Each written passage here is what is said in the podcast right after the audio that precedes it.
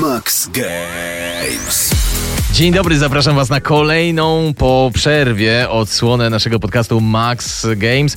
Wybaczcie mi te przerwy, ale sezon urlopowy, sami wiecie, rozumiecie. Trochę spóźnione e, recenzje, ale nadrabiamy już do końca wakacji. E, myślę, nadropimy z, z grami, które gdzieś tam na początku właśnie sezonu wakacyjnego e, wyszły, na które warto było zwrócić uwagę. Dzisiaj cztery tytuły, każdy z zupełnie innej bajki, ale na każdego z nich, na każdy z nich z różnych powodów warto zwrócić e, uwagę. Zaczniemy może e, od e, gry pełnej grozy. No, może bez przesady są grozą, ale jednak będzie o grze z dreszczykiem. Coś dla tych, którzy lubią poczuć na, dziele, na ciele gęsią skórkę. The Sinking City. To jest detektywistyczna gra akcji w otwartym świecie, oparta przynajmniej częściowo na motywach prozy H.P. Lovecrafta, twórcy świata Cthulhu. Przenosimy się w lata 30. do fikcyjnego miasteczka Oakmont na wschodnim wybrzeżu USA. Oczywiście, jeśli jest to gra grozy na motywach opowiadań Lovecrafta, no to miasteczko jest smutne i tajemnicze, a niebo nad nim non-stop szaro-burę. Trochę banał, ale trzeba przyznać, że ten klimat horroru udało się oddać praktycznie perfekcyjnie. Od pierwszych minut gry czujemy, że wkraczamy do naprawdę nieprzyjemnego miejsca, a nasze śledztwo nie będzie standardową detektywistyczną robotą. No właśnie, śledztwo, bo wcielamy się w prywatnego detektywa, który do Oakmont przybywa, by zrozumieć albo wyleczyć się z tajemniczych wizji sennych, którego e, dopadły. To doprowadzi nas do głównego wątku fabularnego, natomiast po drodze będziemy mieć szereg misji pobocznych, które pomogą nam trochę lepiej zrozumieć miejsce, w którym się znaleźliśmy i ludzi, którzy je zamieszkują. Generalnie gra sprowadza się do zbierania przedmiotów, szukania wskazówek, e, analizowania dokumentów i notatek, które znajdziemy, rozmów z mieszkańcami. Czasem będzie trzeba przejrzeć też archiwum, a jak połączymy sobie w głowie wszystkie wskazówki i fakty, no to możemy odtworzyć wydarzenia za pomocą takich specjalnych sekwencji e, przypominających interaktywny film. Generalnie e, gra o tyle jest trudna w tym aspekcie detektywistycznym, że nie prowadzi nas za rękę. Nie mamy takiej ikonki jakiejś na mapie, że należy pójść tutaj i porozmawiać z tym. Raczej w większości przypadków sami będziemy musieli się domyślić, co należy teraz zrobić. No ale z drugiej strony te zagadki nie są jakieś ekstremalnie trudne. Jeśli ktoś ma minimum doświadczenia w przygodówkach i potrafi kojarzyć fakty, to na luzie sobie poradzi. Tym bardziej, że niestety te misje poboczne są zrobione trochę na jedno kopyto. Czasem niezłe historie w nich są, czasem musimy dokonać jakichś trudniejszych wyborów, ale generalnie to jest e, idź, poszukaj czegoś, porozmawiaj z kimś, znowu poszukaj, znowu porozmawiaj, połącz fakty, odbierz nagrodę, voila.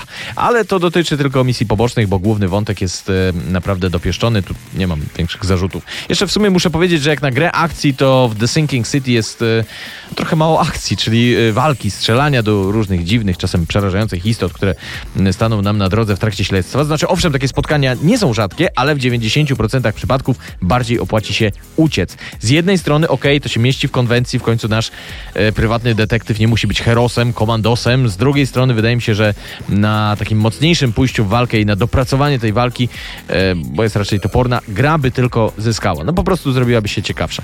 A na czym jeszcze Sinking City by zyskało? Na pewno na lepszej grafice, bo ta, która jest, e, no to trochę pachnie biedą i budżetowością. Słabe animacje postaci, kiepski wygląd budynków, a na dodatek wiele lokacji mm, w mieście po prostu bezczelnie skopiowanych. Za to oprawa dźwiękowa Tutaj rewelacja. I udźwiękowienie, i muzyka świetnie się wpisują w klimat e, gry. Reasumując, The Sinking City to jest e, niezła fabuła, genialny klimat grozy, całkiem fajne zagadki, ale słaba grafika, budżetowość, powtarzalność czasami i trochę skopana walka. Ogólnie ja mam dobre wrażenie, jeśli ktoś lubi klimat Cthulhu, lubi gry z dreszczykiem grozy, to na pewno bym polecił, ale też nie mogę z czystym sumieniem powiedzieć, że ta gra to jest taki must have. Jak dla mnie e, czwórka dla The Sinking City powinna być sprawiedliwa. Max Games. A teraz parę słów powiemy o tytule dla fanów survivalowych e, gier i minecraftowej grafiki zarazem. Pixark. E, i, swoim tytułem i treścią nawiązuje do rewelacyjnej Ark Survival Evolved, gry, w, którym, w której trafiamy e, zupełnie goli do świata zamieszkałego przez dinozaury, a naszym zadaniem jest no, po prostu przetrwać. A właściwie nie tylko przetrwać, ale przetrwać i rozwinąć się. Zbieramy surowce od jakichś tam e, podstawowych gałęzi i kamyków po rzadkie minerały. Konstruujemy sprzęty, e, crafting jest w Arku przebogaty. E, rozwijamy naszą postać, e, polujemy, oswajamy dinozaury, a na dalszym etapie budujemy sobie siedzibę. I teraz wyobraźcie sobie, że taką właśnie grę łączymy z Minecraftem, że aplikujemy tę charakterystyczną pikselową, czy właściwie voxelową grafikę do Ark Survival Evolved.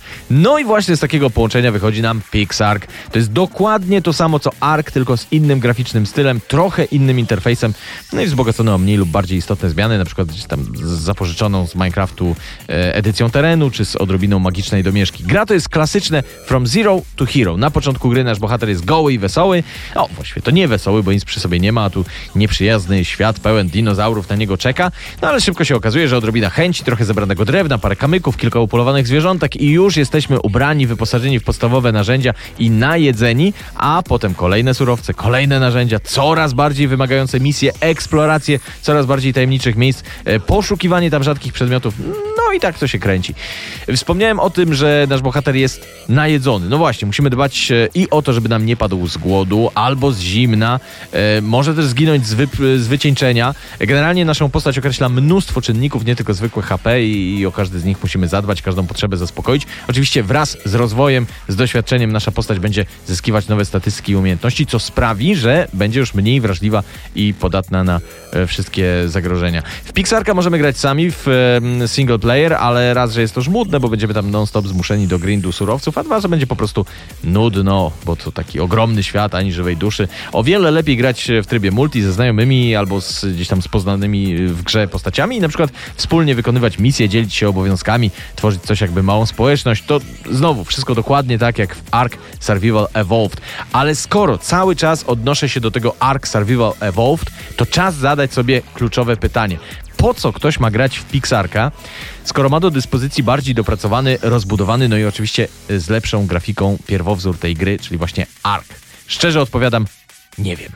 Nie mam pojęcia. Ja w Pixarka pograłem kilkanaście godzin i naprawdę mi się podobał, ale nie zmienia to faktu, że Ark jest zdecydowanie lepsze. Oczywiście ja sprawę bardzo upraszczam. Zdaję sobie z, z, tego sprawę, że, że Pixark ma zdecydowanie inny klimat, bardziej bajkowy. Dla niektórych też ta uproszczona minecraftowa grafika to też na pewno będzie atut, ale co do zasady, no takie są fakty. Ark jest bogatszy w treści od Pixarka i daje większe możliwości. Gdybym na teraz miał polecać z tych dwóch survivalową grę numer jeden, no to byłby to właśnie Ark.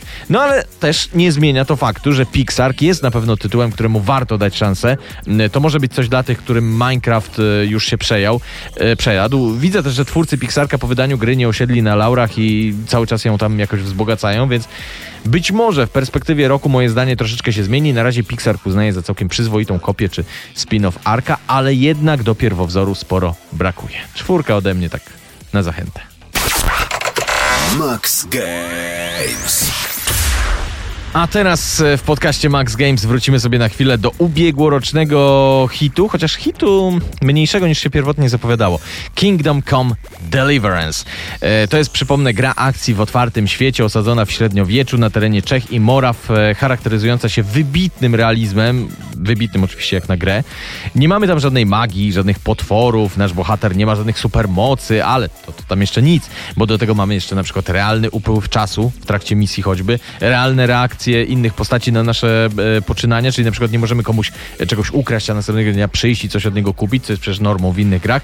Nasz bohater musi też jeść, spać, dbać o higienę i tak dalej, i tak dalej. Generalnie była to, właściwie jest, e, bardzo dobra gra ze świetną fabułą, z przemyślaną mechaniką, z fajną też grafiką, chociaż bardzo słabo zoptymalizowaną na PC-tach.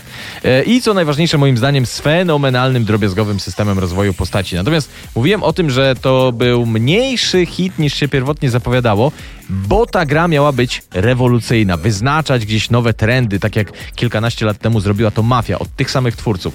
E, tu jednak było dużo ciekawostek, ale chyba nic, co mogłoby na stałe wejść e, do kanonu. No to, to się tam jeszcze oczywiście e, okaże. No i to też sprzedażowo nie był to aż taki hitny, jak na przykład Wiedźmin 3, z którym często był porównywany jeszcze na etapie produkcji. Chociaż niewątpliwie był to hit. E, A okazją do tego powrotu do tej gry jest fakt, że Kingdom Come Deliverance e, ukazało się właśnie w zbiorczym wydaniu Royal Edition z wszystkimi dodatkami e, i może szybciutko skupię się na tych dodatkach, żeby ci, którzy nie mieli jeszcze okazji pograć, wiedzieli, czy wybrać teraz gołą podstawkę, czy jednak właśnie tą królewską, najbogatszą edycję, bo wbrew pozorom to wcale nie jest takie oczywiste. Pierwszy z dodatków to From the Ashes, w którym odbudowujemy zniszczoną rodzinną wioskę naszego bohatera, Przybysławice. Założenie świetne, bo na własne oczy widzimy naszą wieś wstającą z kolan, z nowiutkimi budynkami, ubranie tej odbudowy, też wątek fabularny y, bardzo fajne, tylko co z tego, skoro wykonanie kompletnie bez sensu. Już w połowie głównego wątku fabularnego mamy mnóstwo wolnych pieniędzy, a to właśnie pieniądze są potrzebne do odbudowy. Dlatego, jeśli ktoś jakoś strasznie po drodze nie wydawał, to przejdzie pierwszy dodatek w niecałą godzinkę. Wcześniej natomiast korzyści z, z tej odbudowy, jeśli zaczniemy wykonywać ją wcześniej, korzyści z tej odbudowy są zbyt małe, żeby w ogóle w to inwestować. Gdzie więc sens? Nie wiem. Kolejny z dodatków The Armor's Adventures of Bold Sir Hans Capon to znów trochę jest rozczarowanie, bo miał to być dodatek na no, co najmniej 6 godzin gry, a po prawdzie to trzeba bardzo się rozwlekać w wykonaniu misji, żeby przekroczyć 3 godziny. Co z tego, że misje wspierające kochliwego panicza Jana Ptaszka w zdobyciu kolejnej wybranki swojego serca są fajnie napisane, skoro są po prostu za krótkie. Sytuację trochę ratuje ostatni z dodatków Band of Bastards, który jest e, zdecydowanie najdłuższy, najlepiej obudowany fabularnie i po prostu najbardziej wciągający. Walczymy z nim, mm, e, w nim z bandytami, którzy opanowali trakty środkowych Czech, choć szybko nasza misja robi się tam trochę bardziej skomplikowana. Całkiem fajny jest też manewr na końcu, bo my mamy e, kilka wariantów zakończenia naszej przygody. Ten dodatek też nie jest ekstremalnie długi, ale już przynajmniej nie kończymy go błyskawicznie. Oprócz tych w cudzysłowie dużych DLC mamy jeszcze dużo drobnych dodatków fabularnych, sprzętowych itp., które wiele tam nie zmieniają, ale warto odnotować, że są. Ogromną zaletą Kingdom Come Deliverance był świetny stosunek ceny do długości rozgrywki. Ja spędziłem przy tej grze o kilkadziesiąt godzin, a jakbym tak naprawdę chciał wszystko robić od A do Z, zaliczać e, wszystko na 100%, odkrywać wszystkie sekrety, no to na bank przekroczyłbym e, setkę. Dodatki tymczasem łącznie zajęły mi nie wiem, czy tam 6-7 godzin się uzbierało. No i teraz porównajmy to choćby z Wiedźminem 3, gdzie przecież i serca z kamienia, i krew, i wino to były dodatki, a mogłyby być przecież samodzielnymi grami. E, no niestety, w Kingdom Come Deliverance tak nie jest. Dodatki są fajnym uzupełnieniem, ale tylko uzupełnieniem i minimalnym przedłużeniem głównej rozgrywki. Dlatego kupno tej gry w wersji Royal Edition no nie nazwałbym delikatnie mówiąc obowiązkowym. Szczerze, zupełnie uczciwie powiem, że długo bym się zastanawiał, czy znając już całość, długo bym się zastanawiał, czy dopłacić te 40 czy tam 50 e, zł za mm, właśnie wersję z wszystkimi dodatkami. No ale wybór oczywiście zostawiam wam. Max Games. A na koniec jeszcze w podcaście Max Games e, nie tyle może nawet recenzja gry, co bardziej takiej gamingowej ciekawostki. 1980X. Tytuł gry zapisywany jako 1980X jasno nam sugeruje, że przenosimy się w lata 80.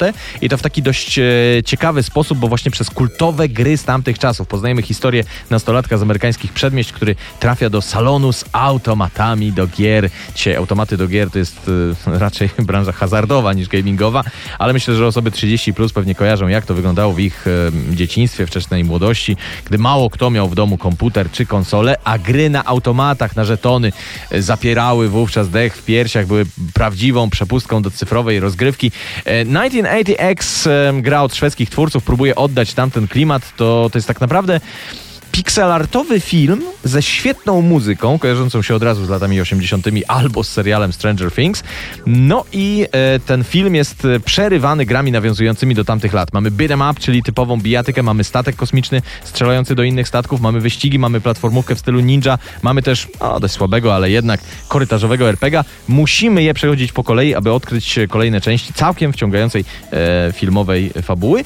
Ogólnie rzecz biorąc, te wstawki filmowe i gamingowe przerywniki są tutaj równoprawne, także to trudno stwierdzić, czy to jest bardziej gra, czy film. Ja bym został przy filmie, bo tak naprawdę pogramy sobie tyle, co kot napłakał. Żadna z tych gier nie, nie, nie zajmie nam więcej niż 10 minut, chyba, że będzie nam w któryś tytuł bardzo słabo szło, ale raczej nie są wymagające. Pozostawia to trochę wrażenie niedosytu, ale też warto pamiętać, że 9080X kosztuje tam niecałe 10 euro, więc nie możemy spodziewać się Bóg wie jak długiej rozgrywki, a poza tym jest to dopiero pierwsza część całej sagi zrobionej w tym stylu. Zobaczymy, jak to będzie wyglądać wyglądać w, w kolejnych częściach. Nie wystawiam oceny, bo bardzo trudno czemuś takiemu wystawić ocenę, ale generalnie, jeśli ktoś chce poczuć ten dawny klimat, jeśli lubi takie dawki nostalgii, e, to bardzo polecam 9080X. E, na pewno spełni swoje zadanie, ale mówię, bardziej polecam jako ciekawostkę niż pełnoprawną grę. E, dziękuję Wam, to tyle na dzisiaj. Za tydzień oczywiście zapraszam, dalej będziemy nadrabiać zaległości, ale też będą jakieś świeżutkie tytuły. Jak chcecie podyskutować o grach wideo, to zapraszam na mojego Twittera, Dawid Miązek tam mnie znajdziecie. Wszystkiego dobrego, trzymajcie się, do usłyszenia, pa. Max Games.